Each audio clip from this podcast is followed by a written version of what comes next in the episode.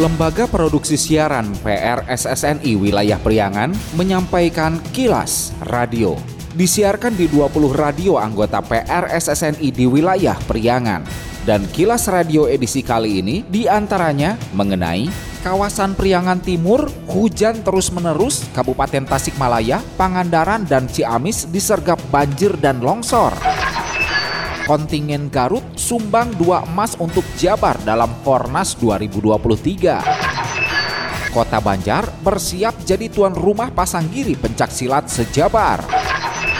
Pendengar, inilah kilas radio selengkapnya. Kilas Radio. Kilas Radio. Kilas Radio. PR SSNI Jabar Wilayah Priangan.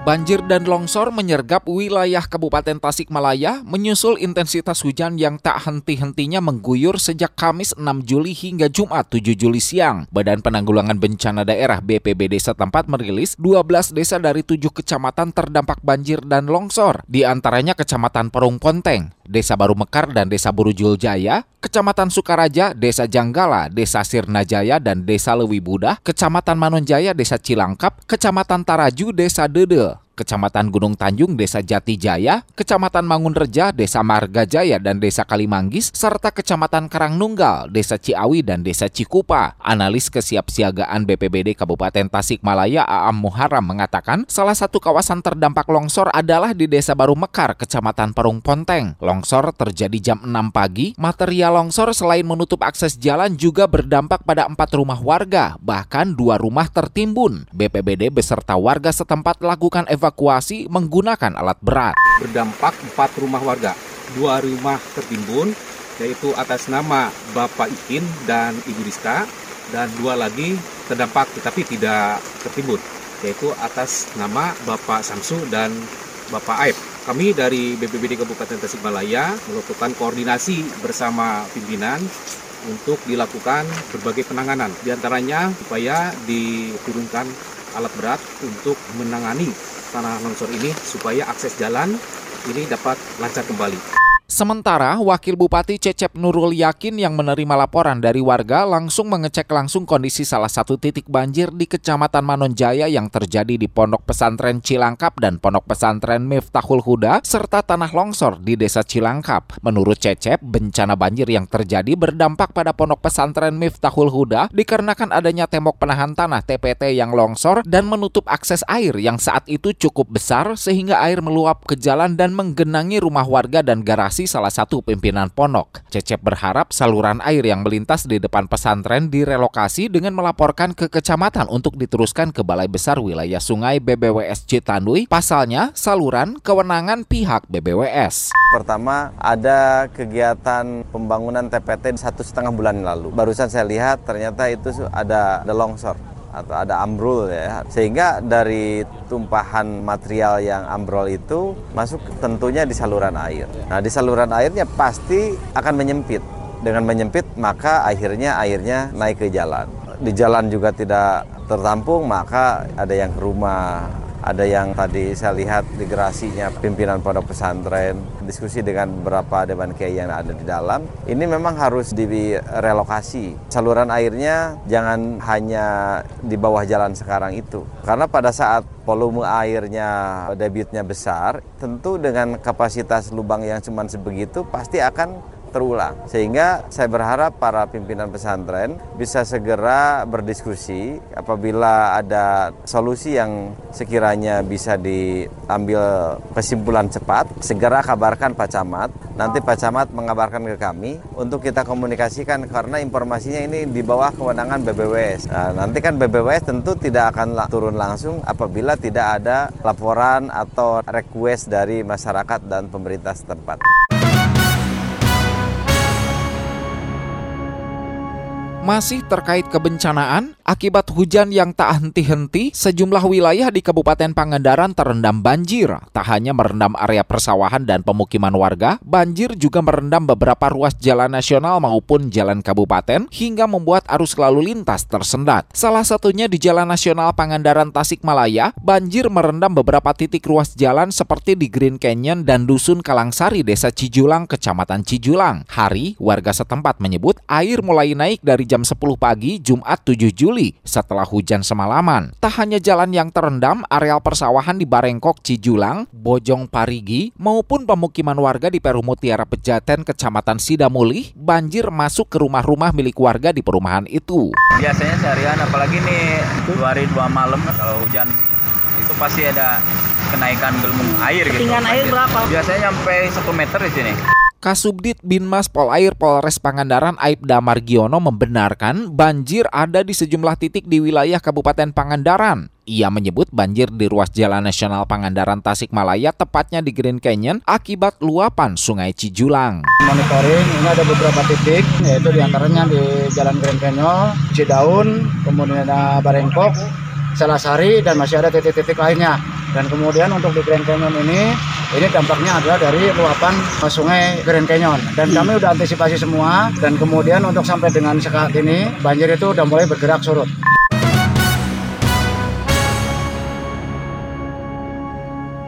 Badan Penanganan Bencana Daerah BPBD Kabupaten Ciamis turunkan tiga tim evakuasi dan dua tim asesmen dalam penanganan kebencanaan di wilayahnya, menyusul hujan sehari semalam mengakibatkan belasan titik kejadian, baik longsor maupun luapan air. Kepala Bagian Darurat Logistik BPBD Kabupaten Ciamis Mehmet Hikmat mengatakan, dalam evakuasi pihaknya mengutamakan keselamatan jiwa masyarakat dan keterbatasan personel, maka sebagian titik belum dapat dievakuasi. Penanganan masih berlanjut sampai besok karena terkendala visibilitas dan arus sungai yang memang lumayan membahayakan apabila ditangani untuk menangani pohon tumbang dan sebagainya. Di Desa Petir Hilir, Dusun Pasir Kadu itu mengalami banjir dan longsor serta pohon tumbang ke jalan raya. Perum Permata Galuh depan Jamban Sari terjadi luapan parit yang di pinggir sawah Luapan parit tersebut disebabkan tersumbatnya gorong-gorong di pertigaan uh, Lembur Situ. Di sana ada makam Gandasari hmm. yang memang beberapa waktu yang lalu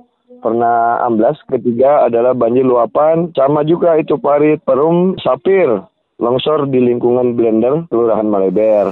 Kilas Radio. Kilas Radio. Kilas Radio. PR SSNI Jabar Wilayah Priangan. Bila Anda mendapatkan hal-hal atau peristiwa penting untuk diliput oleh tim Kilas Radio, hubungi hotline servis kami, SMS atau WA ke nomor 0813 2424 5911 0813 2424 5911 Musim hujan telah tiba. Waspadai kawasan sekitar Anda yang berpotensi rawan bencana alam, longsor, banjir, angin puting beliung, dan lain-lain. Siagakan diri kita setiap saat, setiap waktu untuk meminimalkan korban jiwa. Tingkatkan siskamling antar warga. Segera komunikasikan dengan pihak terkait bila ada tanda-tanda awal potensi bencana alam. Iklan layanan masyarakat ini dipersembahkan oleh Kilas Radio.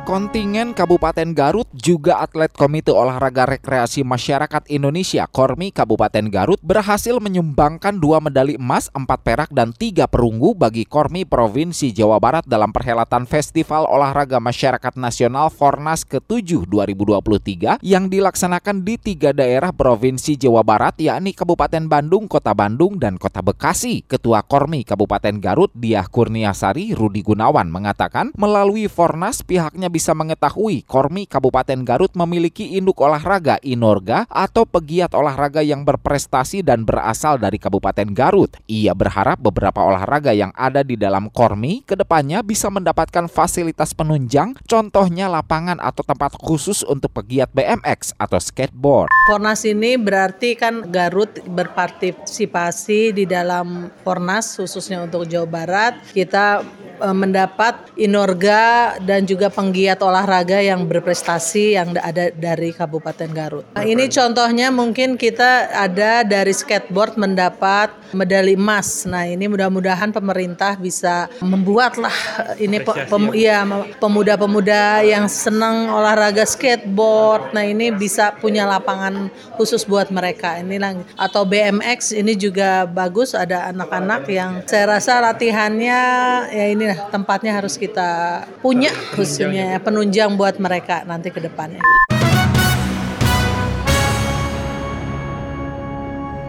Kota Banjar sedang mempersiapkan diri untuk menjadi tuan rumah penyelenggaraan Pasanggiri Pencaksilat se-Jawa Barat yang diselenggarakan Persatuan Pencaksilat Indonesia PPSI Jawa Barat. Pasanggiri Pencaksilat se-Jawa Barat yang akan dilaksanakan 24 hingga 27 Agustus 2023 di Sport Center Gelora Banjar Patroman GBP Langensari Kota Banjar direncanakan juga sebagai salah satu ajang pemecahan rekor muri. Menurut Wakil Wali Kota Nana Suryana, kegiatan merupakan salah satu kalender event yang dilaksanakan dilaksanakan di Kota Banjar dengan peserta regional bahkan nasional. Ia berharap multiplier effect dari kegiatan karena Kota Banjar akan dikunjungi kabupaten kota lain pada saatnya nanti. Akan terlihat seberapa besar multiplier efek dari kegiatan ini. Nah, kita menjadi tuan rumah, kita menjadi bagian dari panitia, tetapi bukan jadi panitia utama karena ini acara Jawa Barat berarti panitianya Jawa Barat, tetapi kita menyiapkan diri dan meminta untuk kita yang jadi tuan rumah. Dengan harapan seperti target kita semula Banjar dikunjungi kabupaten kota lain sehingga orang berbondong-bondong datang ke Banjar makan minum di Banjar terjadilah putaran ekonomi di Banjar. Itu multiplier efeknya. Dalam pelaksanaan pasanggiri pencaksilat se-Jawa Barat nanti yang akan ditampilkan yaitu seni ibing pencaksilat dengan kategori tunggal, rampak, dan ijen dari tingkat anak, remaja, dan dewasa bagi putra dan putri. Ketua 1 DPW Persatuan Pencaksilat Indonesia PPSI Jawa Barat Asep Rohanda menyampaikan harapannya atas ketersediaan Kota Banjar menjadi tuan rumah penyelenggaraan pasanggiri pencaksilat se-Jawa Barat. Kemarin kita coba tawar ditawarkan terhadap tiga kabupaten kota, di antaranya Kota Banjar, Ciamis, dan Tasik. Alhamdulillah Kota Banjar yang merespon. Dengan harapan DPD PPSI Kota Banjar ini bisa berdaya untuk masyarakat, bisa dilirik oleh seluruh kalangan. Selain itu pun DPD PPSI Banjar ini bisa mengembang, bisa bersaing dengan DPD-DPD kabupaten kota yang lainnya, apalagi nanti 25 kabupaten kota datang ke sini menampilkan atlet terbaik di masing-masing kotanya. Mudah mudah-mudahan jadi motivasi untuk PPSI yang ada di Kota Bandung. Kilas Radio. Kilas Radio. Kilas Radio. PR SSNI Jabar Wilayah Priangan. Sekian Kilas Radio. Saya Dido Nurdani beserta tim Kilas Radio Priangan. Salam PRSSNI. Kilas, Kilas. Kilas. Radio.